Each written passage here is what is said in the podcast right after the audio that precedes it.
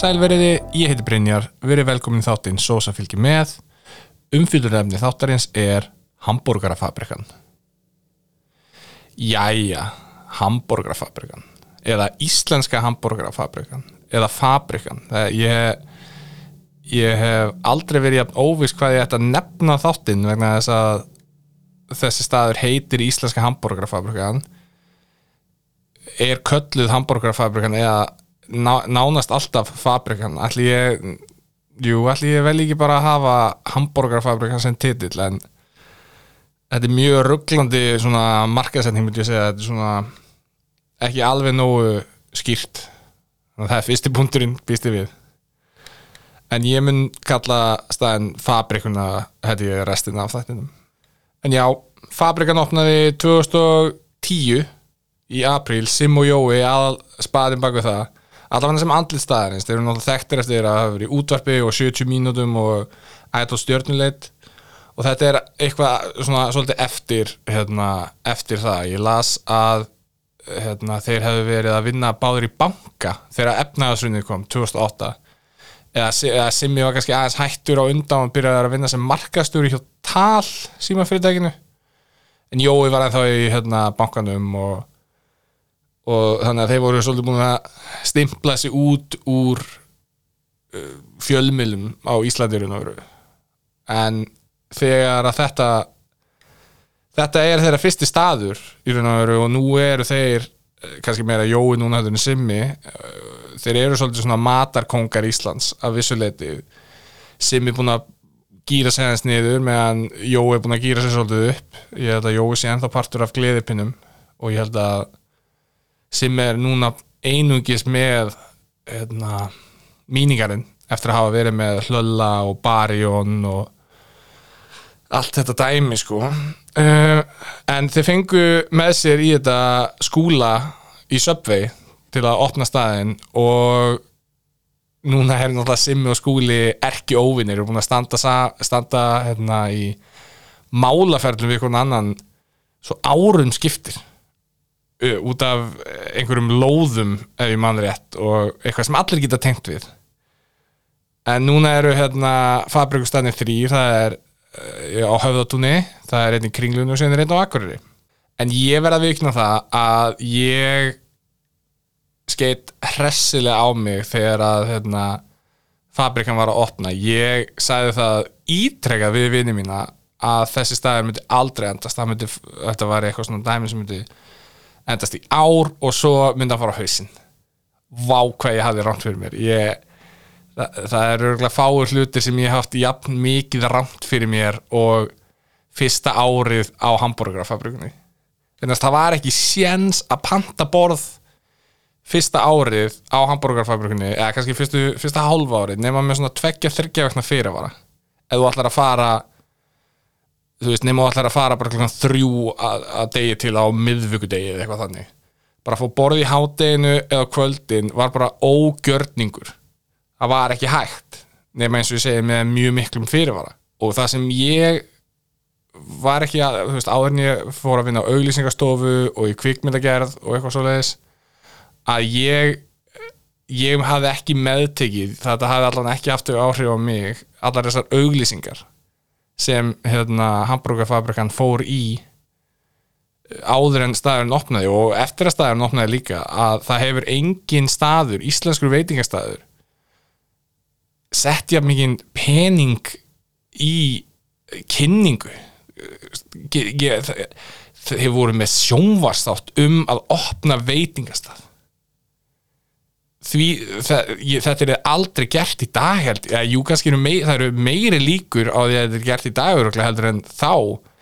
Sim og Jói voru eiginlega bara svona langt á undan þessum áhrifavöldum þegar að geta gert þetta. Þetta er algjörlega algjört bara fluff. Þetta er lélegt sjónharsefni ef ég á að vera alveg fullkomlega hreinskilinn í grunninn, þú veist þetta var örgulega vel unnið og vel gert og eitthvað svona en að fylgjast með Sim og Jó að vera, já, hérna, fara núna og smakka hundrað hambúrgar mismunandi hundrað hambúrgar og velja hvað er að fara veist, þetta var engu kert á því að fólk og sérstaklega ungt fólk á þessum tíma dýrkaði Simojó algjörlega kert á því. Og það verðist hafa virkað. Íslandíkar hoppuð á annan vagn og eru semi ánum ennþá allavega með hérna, hambúrgarfagruna kannski minna með Sim og Jó þeir eru ekki jafn mikið í fjölmunum meira Simmi heldur en Jói. En ég var að, að lesa mér aðeins til um, hérna, um staðinn þegar hann var að fara að opna og, fekk, og eftir hann opnaði kom dómur í hérna, djefaf um staðinn sem var allt í lagi. Já, já mm, vildi meina að, að ferhinda brauðið maður sem var að skrifa valgir eða eitthvað þannig valdýr. Uh, vildi meina að ferhinda brauðið væri bara ekki gott. Valdýr eða valdimar eða valgeir sem skrifaði pistilinni eða greinina vildi meina að ferhinda brauðið væri ekki gott. Og síðan var hérna stitta af Rúna Júl þarna. Ég held hún sé ekki þarna lengur, ég sá hann allavega ekki núna. En ég man eftir þessari stittu ef hún er ekki þarna, kannski fór hún fram hjá mér. Það er 100% mögulegt að hún hefði farið algjörlega fram hjá mér. En minnst að smálega held að hún sé ekki þarna ég vona allavega að hún sé þátt hún hlýtur að vera komin að hana rocksapni, hún hlýtur að vera þar. Fanni Rún Einarsdóttir í sjöndabæk í Millubakaskóla sagði viðtalið árið 2011 við þetta að Fabrika væri besti veitingastæður landsins og Jón Áskjösson sem er, var einnig í hérna, sjöndabæk í Millubakkaskóla 2011 hann, hann hérna, tók undir þetta. Hann, hann vil líka meina að Hamburgerfabrikan sé besti veitingastæðurinn og eitt sem hefur einkjent Hamburgerfabrikuna frá opnun og mér, mér finnst þetta að vera alveg svolítið sniðut að það er engangu íslensk tónlist spiluð á staðnum og ég man að það var að fara í samstarfi senu og tónlist.is og eitthvað svo leiðis núna hlýtur þetta að vera einhver Spotify playlisti. Ég, það hlýtur vel að vera. En mest spilaða lægið fyrsta árið sem hérna, Hamburgerfabrikan var opnið var Söngur um lífið eftir Pál Óskar. Og ég er komin heim var í öðru sæti.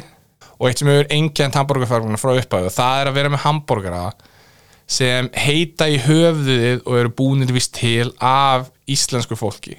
Þjóðþektu íslensku fólki. Og mér finnst það smá hallarinslegt en þetta, ég skil þetta, þetta virkar. Og ég held að það séu vinsalæstu hambúrgarnir svona heilt yfir.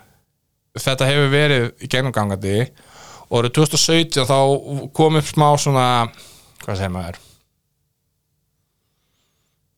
kom upp umræður fólk var ekki sátt á internetinu eins og gerist yfirlega með að það var ekki neitt hambúrgari sem var nefnduð í höfu á konu eða það var engin kona sem hafi búið hann til eða hérna, búið til uppskriftina í raun og veru.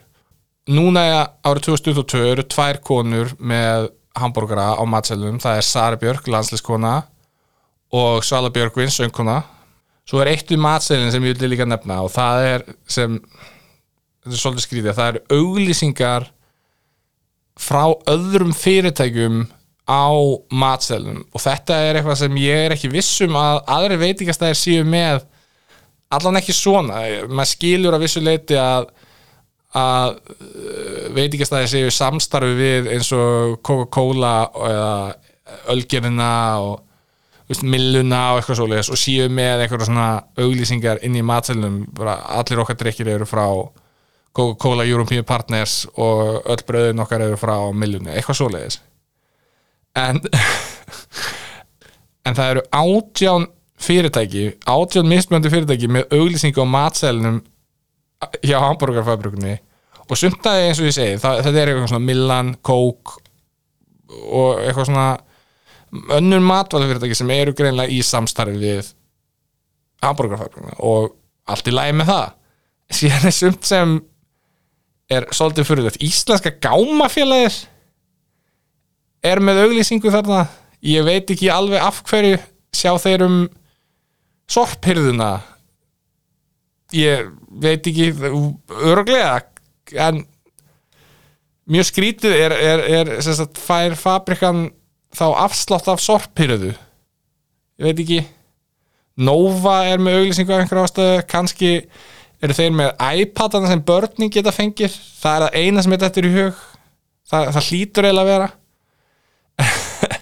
En svona með hérna, gáma, íslenska gámafélaginu þá finnst mér að finnast það DK hugbúnaður sem er sölu og bókalskerfi hverjum er ekki drullu sama hvaða fyrirtæki sér um sölu og bókalskerfi íslensku hambúrgarafabrikunar þeir séu með auglýsingu og, og hvað er þetta þá fá þeir afslátt hjá DK hugbúnaði. Þarf hambúrgarafabrikan virkilega að fá afslátt af slíku? Og mér fannst líka mjög fyndið að ég hérna, við sátum hjá þar sem hjá tölfunni þar sem hérna, starfsfólki setur pantanar inn og þegar það kemur screensaver upp að þá sér maður að hérna, þetta er keirt á Windows XP sem kom út árið 2001 ef það virkar þá virkar það allt í lægi, mér finnst það eitthvað fyndið við að að fyrirtæki séu með Windows XP árið 2022 en eins og ég segja, ef það virkar þá virkar það. Og síðan var annars sem ég rakst á sem mér fannst alveg frekar fyndið og það var sem sagt árið 2011 þá gerði þjóðháttíða nefnd samning við fabrikuna um að sjá um matsölu í dalnum á þjóðháttíð og hérna, hvort það var formaður þjóðháttíða nefndar minnir en það heitir, heitir Pott Skeving var svona í að því að uh, fyrirtæki vestmannum réðu ekki við fjöldan af hérna af gestum sem koma þjó, um þjóðhótti til vestmanni gætu ekki syndum og þetta fór gríðarlega fyrir brjóstið á Bergi Sigmundsinni bakarmestara og hann skrifaði þess að pistil ég, hérna, eða, já, sendin grein í eigafrettir eða eitthvað svoleiðis. Og titillin á greinu er Hamburgerafabriku fokkir þetta er öruglega top 5 insend grein sem ég hef á æfi minni lesið. Vá hvað hann var reyður ef þið googlið Hamburgerafabriku fokkir þá kemur þetta upp. Endilega farið og finnið þetta þetta er mjög langt er, uh, ég get ekki verið að lesa upp allt brefið en þetta er þess virði að lesa. Ég mæli sterklega með að fólk fari og finni þetta eða hefur áhuga á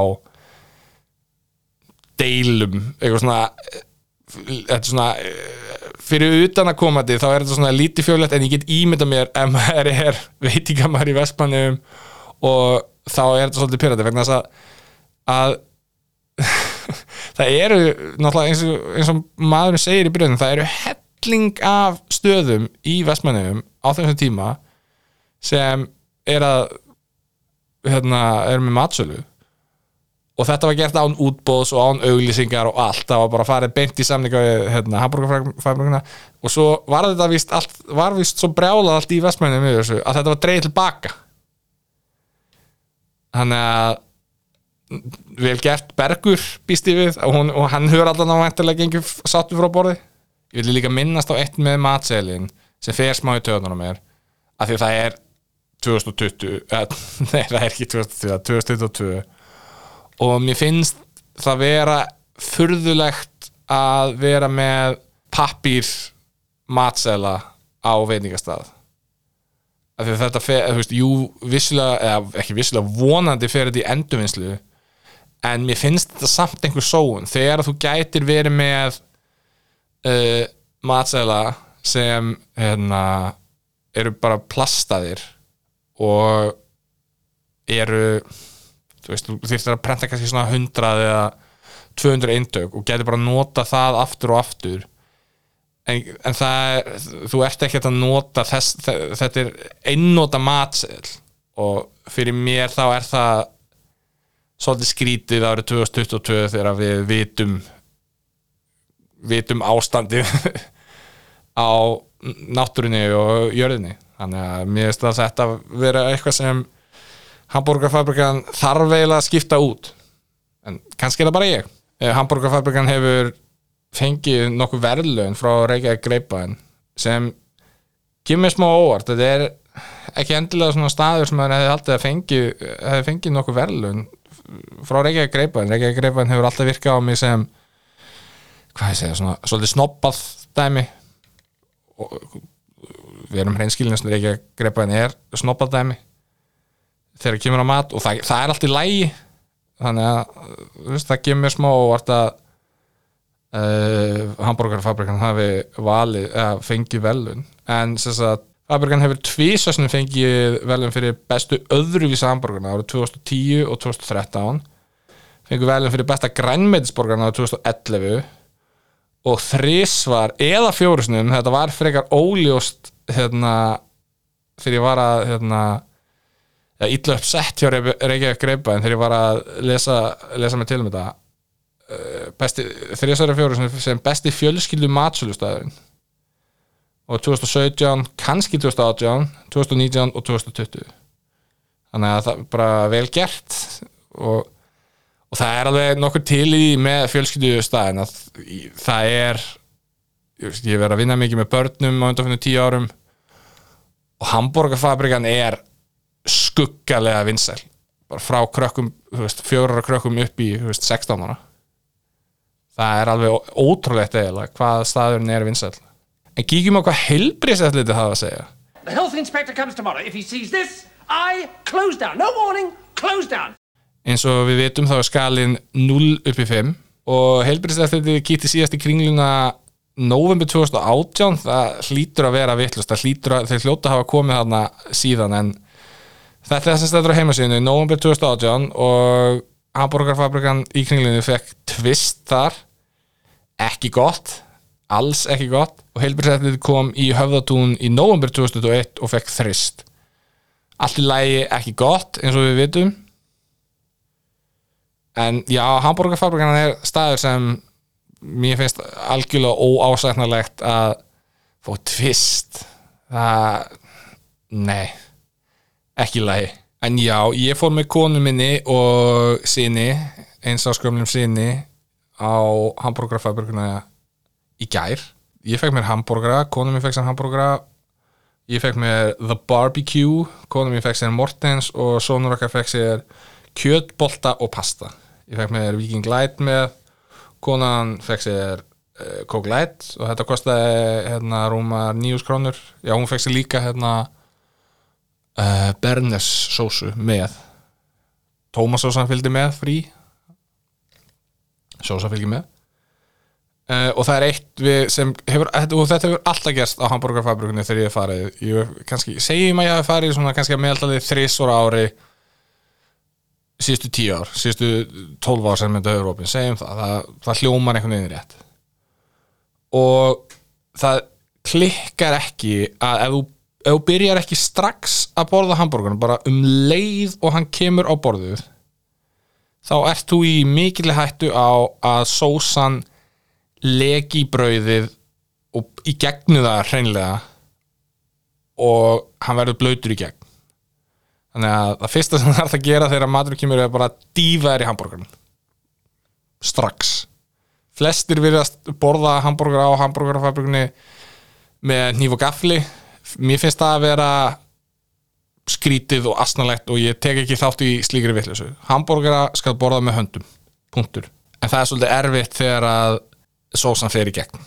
Hambúrgarinn minn var allt í lægi sósan var bræðgóð uh, hambúrgarinn var aðeins of eldaður en engin heimsendir í raun og öru franskanar, basic franskar allt í lagi en hambúrgarinn hjá koninu minni var frábær. Ég fekk eitt bita og þar, ég, maður fann alveg mun á þetta á, ávist að vera sama kjöt, ég gerir á fyrir því þetta er allavega skrifað eins á hérna matselinum, eitthvað hágjaða ungnaut eða eitthvað þannig.